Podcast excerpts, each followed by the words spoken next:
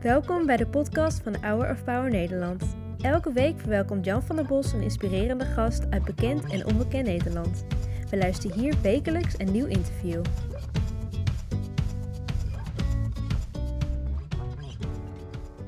Mijn gast vandaag, je hebt hem al even ontmoet, is uh, Martin Kooistra, directeur van Royal Mission, Koninklijke Missie. Heb jij in Nederland? Daar gaan we straks over hebben. Ik wil beginnen met, wat is nou Pasen? Ik heb het een paar keer gevraagd in de supermarkt. Zei, wat is Pasen? Mensen hadden echt, die ik ontmoette, niet zo heel veel ideeën erbij. Nee. Nou, Pasen in zichzelf is de opstanding van Jezus en de overwinning over elke vijand. Alleen de zondag is niet los van de vrijdag waar Jezus sterft. Dus het is het, het diepste dal waar je doorheen kunt gaan en de grootste overwinning, heel dicht bij elkaar, in het verhaal van God met deze wereld. Nou kijk ik toevallig naar Oude Paar op eerste paasdag en dan denk ik, nou ja, het zal wel, wat heb ik daar nou aan? Wat word ik er wijzer van? Van Gods verhaal met deze wereld. Zijn zoon gestorven aan het kruis, opgestaan uit de dood. Uh, het leven is niet makkelijk. Het leven is ingewikkeld. Het leven geeft uitdagingen waar, waar mensen vastlopen.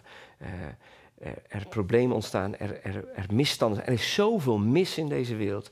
En Jezus heeft laten zien hoe het goed zou kunnen zijn. En als wij zijn voorbeeld volgen, gaat er heel veel moois op deze wereld komen. En dan wordt dan, met, met chic te zeggen, Gods wil gedaan op deze aarde. Maar het begint met mensen die zeggen, Jezus heeft laten zien hoe God is, zo wil ik ook leven. Ja. Er gaan straks een heleboel ouders met hun kinderen in de tuin paaseieren zoeken of in huis. Ja? Ja, dat doen oh, we gewoon. Onze kinderen zijn al in de twintig en onze neefje nichts, maar we doen het elk jaar. Ja? Ja. Maar uh, haalt dat de aandacht niet weg bij waar het echt om gaat? Nou, kijk, Pasen is, is de opstanding van Jezus, maar een eitje is in wezen een geboorte. Hè? Een geboorte waar nog een geboorte uit moet komen. Het is al een ei, hè? je bent al geboren, maar je moet nog geboren worden, want je moet nog uit het ei komen. En in wezen is dat ook Gods verhaal. Elk mens wordt geboren op deze aarde, maar er moet nog een moment gekomen dat je uit die schil komt en echt tot leven komt. En dat is het leven met Jezus. Nou, en dus Waarom eitjes ben je zo enthousiast vind ik hem, omdat ik Pasen een prachtig moment vind op de kalender, maar ook in de, nou, om het zo weer te zeggen, de geschiedenis van God. Maar ook wat het voor mij, voor mijn gezin, voor het leven hier betekent. Want ik zie aan de ene kant al die noden, al de misstanden waar ik ook zorg over heb. Aan de andere kant zie ik wat Jezus heeft laten zien en daarmee heeft laten zien hoe goed God is. Dat goede is veel mooier dan al die ellende met elkaar. Ja? Ja. God is zo goed. Hoe kun je dat zo stellig zeggen? Ja. Eh, kijk, ik, ik kijk niet weg van wat er mis is. Ik, bedoel, ik zie dingen in de wereld, mega, maar ook heel klein, heel dichtbij ook. In mijn eigen gezin zie ik ook dingen die niet helemaal zijn zoals ik het zou willen of ik denk dat het bedoeld is. Zoals? Nou ja, een van de voorbeelden die heel bekend is, maar ook heel zichtbaar, is dat ik heb twee dochters. En de oudste is hoogbegaafd, heel intelligent, gaat met stappen door deze wereld, met carrière. En de jongste is anderhalf jaar jonger, is mentaal beperkt. Is 25, maar heeft de ontwikkeling van een 6, 7-jarige. En dus zie je een meisje wat je elke dag moet beschermen, helpen. Heb je een foto van haar bij Ja, ik heb een gezinsfoto meegenomen. Ja? Ja, dit is uh, een wat recentere foto van ons gezin. En je ziet ze zijn allemaal volwassen. Dat is Karin, mijn vrouw, waar ik heel blij mee ben. Dat is Ingeborg, mijn oudste dochter. Die is al een paar jaar getrouwd met Tim, onze prachtige schoonzoon. En dit is Lieselot, onze bijzondere meisje. En we genieten enorm van haar. Ik ben heel blij met haar.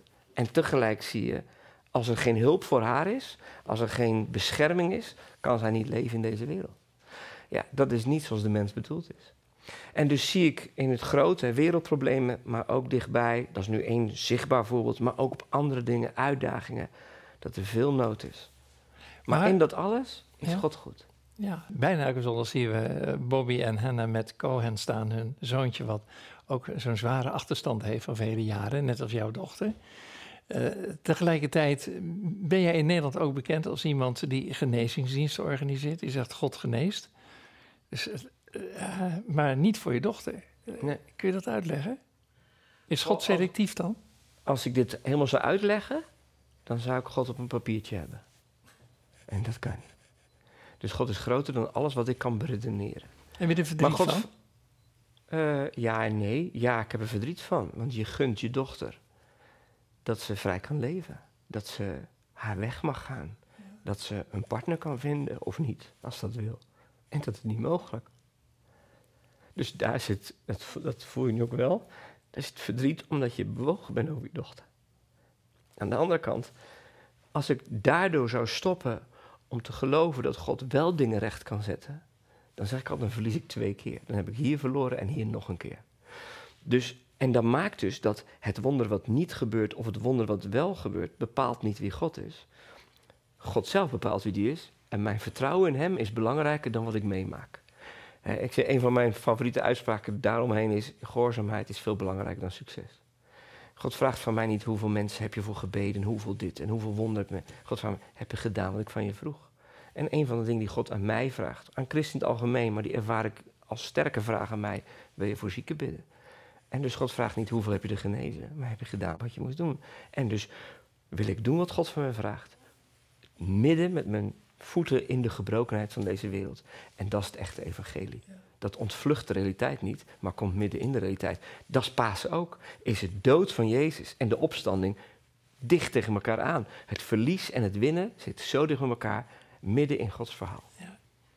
Eigenlijk had ik je straks een cadeautje willen geven. Ik wil hem eigenlijk nu erbij pakken, want dit zijn drie, we hadden het net weer even over Pasen, drie teksten die alles met Pasen te maken hebben. Twee spijkers, het is volbracht.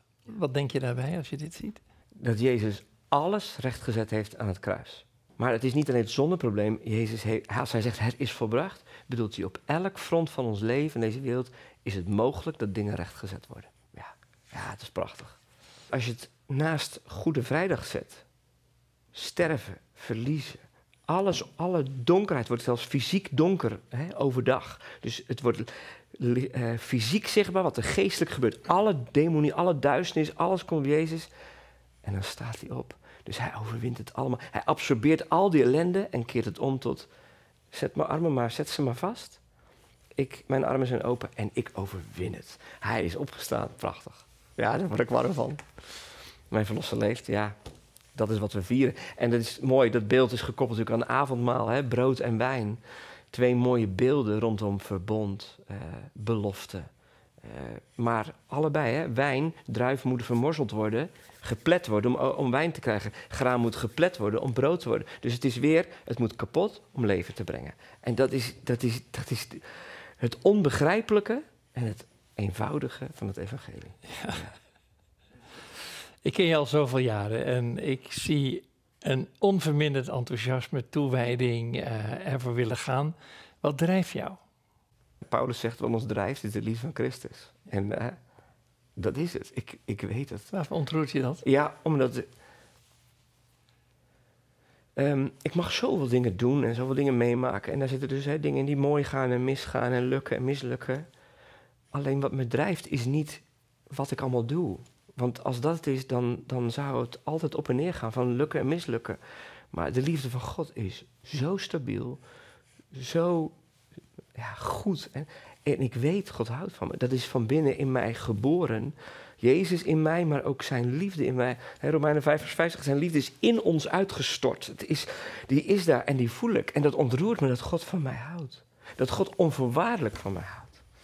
Je zegt het zo mooi, hè? doet het niet pijn bij jou dan dat er zoveel mensen, ook op vandaag in dit land, zeggen: Pasen zegt me niks. Ja. Leuk, twee vrije dagen. Maar dat die aan de essentie van het leven voorbij gaan, zonder dat ik daar een waardeoordeel aan verbind. Nee, en dat, dat, daar zeg je iets moois. Uh, vroeger zou ik daar misschien een waarde over, ze snappen het niet. En nu denk ik, ik, ik gun het ze zo. Ja. Je hebt geen idee. En daarmee veroordeel ik je niet. Maar als je de liefde van God zou voelen, alles verandert. En daarom dat die driver is voor mij, voor mijn gezin, maar ook voor de bediening die we mogen hebben met Royal Mission. De, de liefde voor de kerk en Gods koninkrijk. Dat, ja, ik kan me niet voorstellen dat ik het niet meer zou hebben, omdat ik gegrepen ben door de liefde van God. En ik kan me voorstellen dat mensen die dat niet hebben gehad, het ook niet snappen. Dat is logisch. Dat, en dus is er zoveel ook weer liefde voor hen juist. Van, ik hoop dat ik, dat wij, wij als kerk, wij als christenen, vooral dat mogen laten zien. Want wie gegrepen wordt door de liefde van God, is, is nooit meer dezelfde. Is verkocht. Ja. ja. ja. Je doet heel bescheiden over jezelf, maar je bent uh, een voorganger die in Nederland wordt gezien als zeer succesvol. Je hebt bijbelscholen, je hebt een uh, gemeente, je hebt een conferentiecentrum. Uh, je doet heel veel aan toerusting, duizenden jongeren en ouderen per jaar. Daar zou ik best een beetje trots op kunnen zijn. Royal Mission heet dat. Dat is onze koninklijke missie. En het zegt natuurlijk ook iets over aan de ene kant de gunst van God en het mooie team wat we hebben. We hebben zoveel mooie mensen. En natuurlijk hebben we daarin geïnvesteerd. Dus ja, kijk, God, vraagt, het is, God vraagt gewoon, wil je ervoor gaan? Wil je geven wat je hebt? Nou, die eer mag je me geven. Martin, je geeft wat je hebt. Maar de rest is mooie mensen, genade van God, zegen, doorbraken. Mensen die mee gaan doen, supporters, financieel, materieel, dat we deze stappen kunnen zetten. Maar ja, God vraagt van mij, maar ook van jou en van al die mensen die kijken, wil je geven wat je hebt? God heeft alles gegeven wat hij heeft. Dat beetje wat ik heb, geef ik aan hem. En dan is het, uh, ik doe een beetje en hij doet veel. En samen doen we prachtige dingen. Geweldig. Het is heel mooi als we kijken dat er in Nederland nog zoveel mooie dingen gebeuren, ook met Royal Mission. Maar ik pak even de kaart erbij, juist op deze dag, juist op Pasen. Want de christenvervolging wereldwijd, dit is een overzicht. Natuurlijk schokkend hè, dat er 50 landen zijn.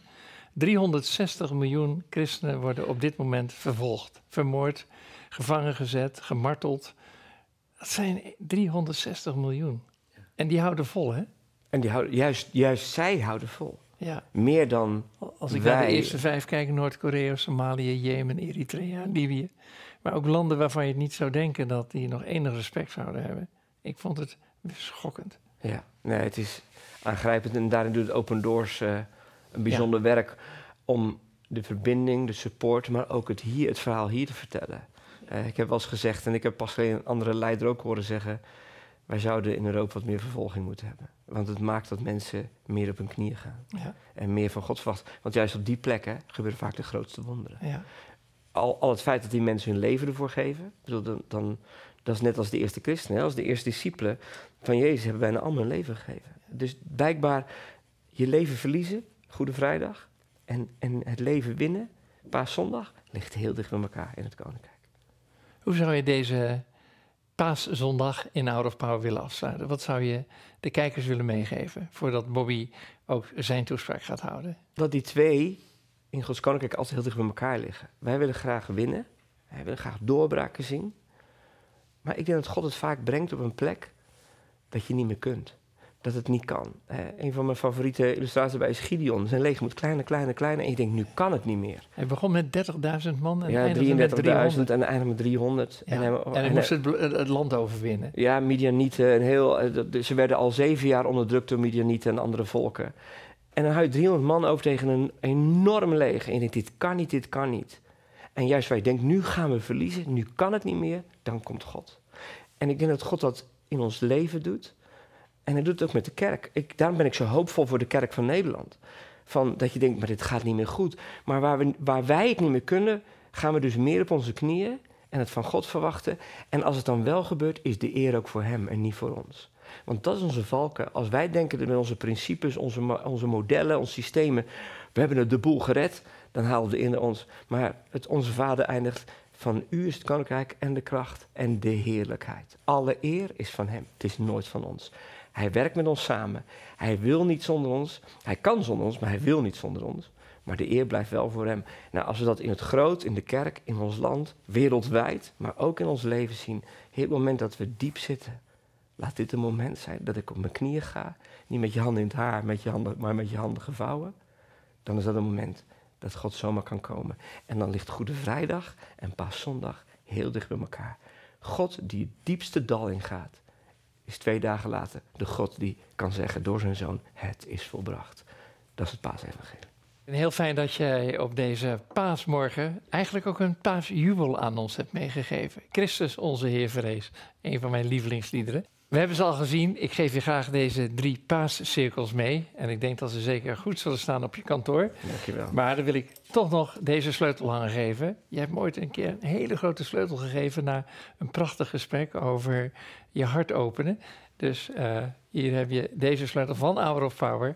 Ja, mooi zeg. Hebreeën 13 vers 8. Dat is uh, Christus gisteren, heden tot eeuwigheid dezelfde. Dat, nou ja, ook dat hoort bij paas. Ja. Dankjewel Jan. Bedankt voor het luisteren naar het interview van deze week. We hopen dat dit verhaal jou heeft bemoedigd. Wil je meer weten over Hour of Power of andere interviews bekijken? Ga dan naar www.hourofpower.nl